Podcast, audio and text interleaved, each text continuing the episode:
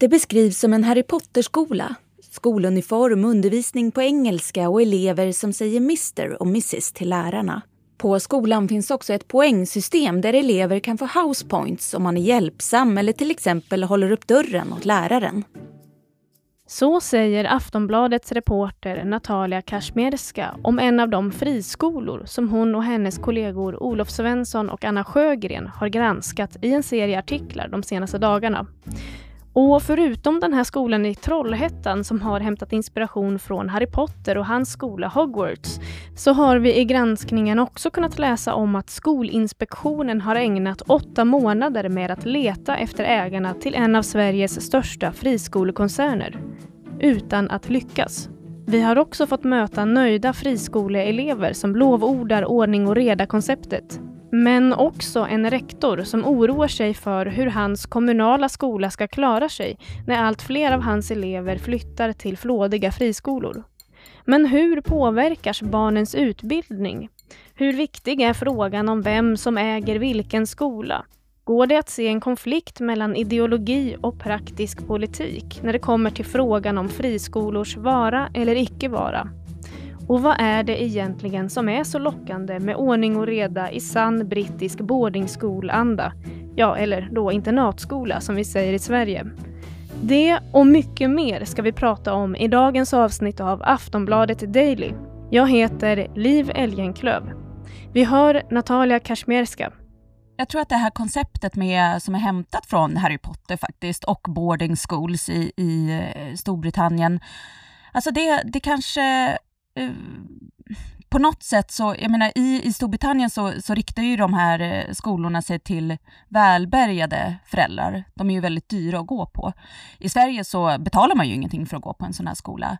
Men det kanske ändå finns en är av framgång, eh, att, att går man på en sån här skola så kommer man lyckas och, och få bättre betyg och eh, att det finns någonting i hela konceptet som andas eh, liksom klass. Men hur väl lever de upp till den här känslan då?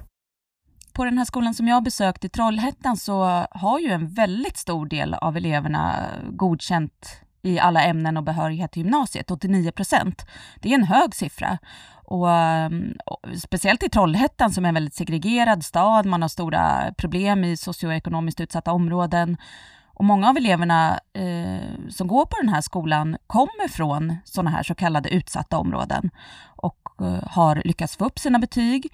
Och exakt vad det handlar om, eh, är det glädjebetyg, frågade jag rektorn och då säger han att eh, vi är medvetna om att sånt här kan förekomma men att vi jobbar ju väldigt eh, hårt mot det just, eh, just för att vi vill inte ha de här glädjebetygen. Vi vill att det, det skiner liksom igenom utan vi vill att eleverna ska lyckas på riktigt.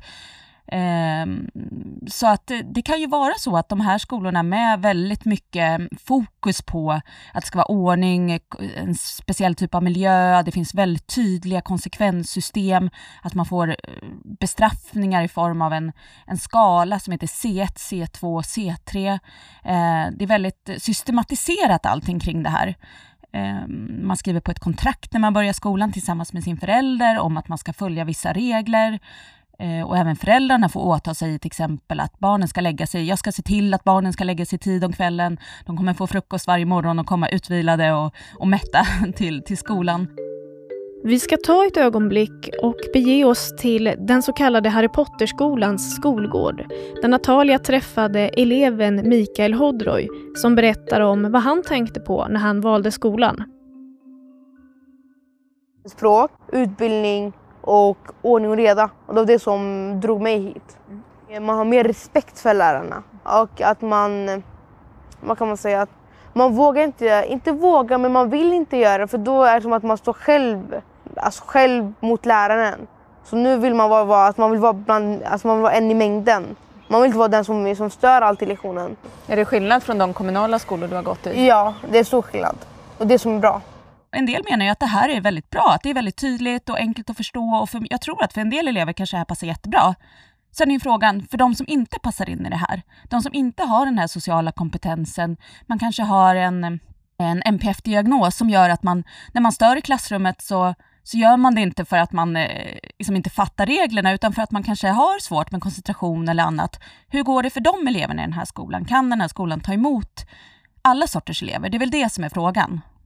En annan fråga som lyfts i granskningen är frågan om ägandeskap.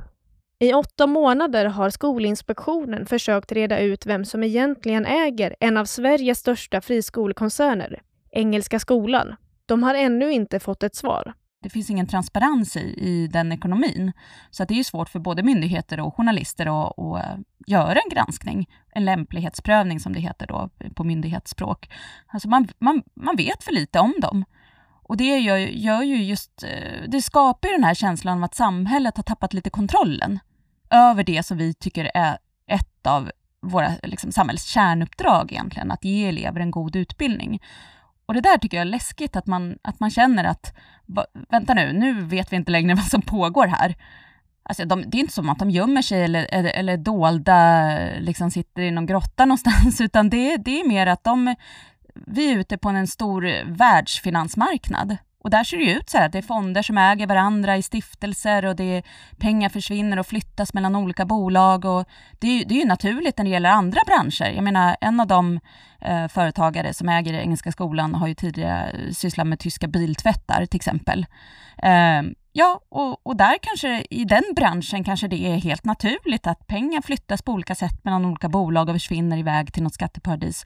Men när det gäller skolan, då känner man ju att det på något sätt inte eh, passar in eftersom det är ett samhällsuppdrag att ge elever utbildning. Att det är en, en lite annorlunda bransch, tycker man. Men idag så funkar ju den precis som biltvättsbranschen, rent ekonomiskt. Det låter ju som att det är en, film eller en thriller.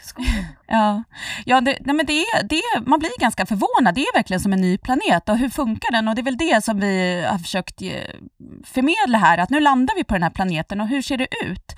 För jag tror att många känner ju inte till de här sakerna. Så att vi ser det ju också som en folkbildande insats. Att här får du veta och sen får man lite grann dra slutsatser själv. Tycker man att det är okej okay med det här? Eh, jag menar Engelska skolan säger ju själva, de i Sverige säger ju så här, vi vet inte vilka de här ägarna är och det spelar ingen roll för de har inget inflytande över våran eh, undervisning och, och, och, så vidare. Och Engelska skolan är ju en av de skolor som har väldigt bra resultat eh, bland sina elever. Så att, jag menar, vad spelar det för roll om det sitter någon som handlar med naturgas i Mexiko som råkar vara ägare? Det kanske inte spelar någon roll.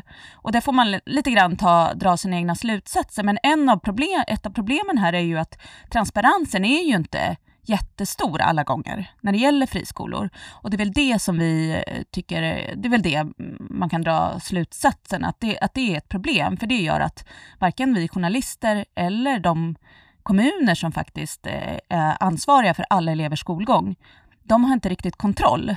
Men helt utan insyn och kontroll är ju faktiskt inte det offentliga. Vi har ju också kollat på alla eh, de skolor som Skolinspektionen har stängt sedan en ny lag infördes 2009, ehm, som gav dem rätt att granska de här företagen lite hårdare.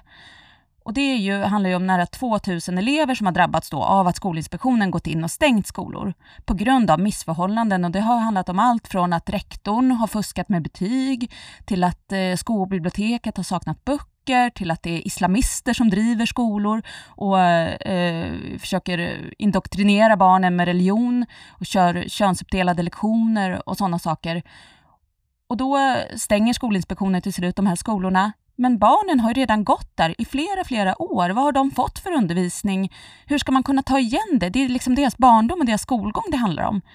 Uh, och, och, och, det är ju ändå de som någonstans är det, de viktiga i det, i det här. Och, och, jag tycker det är fruktansvärt att det, att, eh, att det kan se ut så. Att det finns så, så, så himla dåliga skolföretagare som utsätter elever för sånt här. Det här är ju en fråga som pågår och pågår och pågår. Hur ska man, och friskolor är så bra, nej de är så dåliga. Mm. Hur ska man göra med dem? Men vad säger politiken om allt det här? Ja, men det pågår ju en, en debatt hela tiden om vinster i välfärden i stort. Den är väldigt ideologisk skulle jag säga. Och det har varit ganska svårt att navigera i den för att det är så otroligt mycket åsikter från båda håll. Både från friskolekritiker och från friskolevurmare. Och det finns stora lobbyorganisationer på, på, på båda håll också. Um, men, men det man skulle kunna säga är att när man, när man kommer ner på kommunal nivå, där de här skolorna faktiskt eh, verkar, så ser det lite annorlunda ut. Till exempel så har ju Ystad och Uddevalla två kommuner som eh, styrs, eh, inte bara borgerligt, men Ehm, med koalitioner med, med borgerliga partier. Där har till exempel moderater och liberaler och centerpartister sagt eh, nej till vissa friskolor. Alltså att de vill inte ha in dem i kommunen för att de, de märker att det här kommer påverka våra kommunala skolor. Vi kanske måste lägga ner kommunala skolor och det är inte heller gratis att lägga ner en skola. Um, och eh, det kommer påverka hela vår organisation, det kanske ökar segregationen. Eh, så där har de gått emot sin eh, ideologiska friskoleliberala syn egentligen. Ehm, och det där tycker jag är lite intressant, att man när man väl kommer ner på det praktiska, hur ska det här gå till i just våran kommun? Då kanske man släpper lite på den ideologin, medan det på ett större riksplan, där är det mer en just en fråga om den här, var hör man hemma ideologiskt? Alltså där tycker man som, eh, som man alltid har gjort kring de här sakerna. Men sen kan jag också tycka att det finns en viss förskjutning även på, den, på det planet, att Eh, man ser ledarsidor som är traditionellt liberala eller konservativa plötsligt ha åsikter om att men har det gått lite för långt nu? Ska, det verkligen, eh, ska pengarna verkligen skickas till de här skatteparadisen, alltså från, från välfärdsbolagen? Och hur kan, behövs det skruvas på det, här, på det här systemet eller på de här lagarna som ska reglera det här? Ehm, vi får väl se om det blir en fråga i valrörelsen. Det, ju, det ska bli jätteintressant alltså huvudpersonerna i, i den här historien är ju eleverna, eller hur? Mm. Och eh, vad, vad säger de som du har pratat med och vad säger deras föräldrar? Eh, nej men många av dem som har valt en friskola är ju väldigt nöjda, så är det ju. Sen måste man ju säga att de vi har fått prata med är ju ofta sådana som skolan på något sätt har hjälpt oss att ta fram i vissa lägen och så. Så det, är inte, det är inte säkert att man får höra den allra mest kritiska bilden eh, alla gånger. Men samtidigt så är det ju också elever som har valt, också, valt den här skolan medveten och, och, och, föräldrar medvetet just för att man vill gå på den här skolan. Man har valt bort en kommunal skola för att man inte trivdes där, man, man tyckte att det fanns problem där, man kanske inte fick det stöd man behövde. Och det är ju absolut ett problem. Det är klart att, eh, att det är bra att det finns alternativ då om man känner att, att man inte passar in på den skola där man hamnar. Eh, men, eh, men det man kan säga är ju också att jag menar, det finns ju också, eh, det finns ju också den här respekten att en, en friskola som går dåligt ekonomiskt kan ju lägga ner. Det hände ju till exempel med John Bauer-koncernen för eh, ja, det är åtta år sedan nu.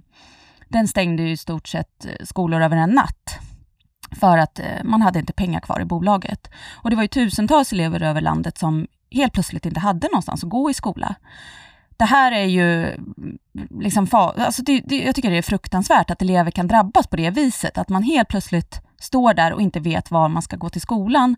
Man kanske har några månader kvar innan man skulle tagit studenten. Ehm, man ska helt plötsligt in i en ny klass med nya lärare som ska sätta betyg på en som inte känner en överhuvudtaget.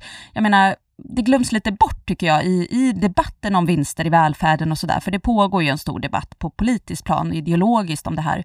Men men just eleverna, vad, vad händer med dem? Det säger Natalia Kashmerska och det får avsluta dagens avsnitt av Aftonbladet Daily. Men vill du veta mer om skolgranskningen så gå in på Aftonbladets sajt och sök på Den nya skolan. Jag heter Liv Elgenklöv och vi hörs snart igen. Du har lyssnat på en podcast från Aftonbladet. Ansvarig utgivare är Lena K Samuelsson.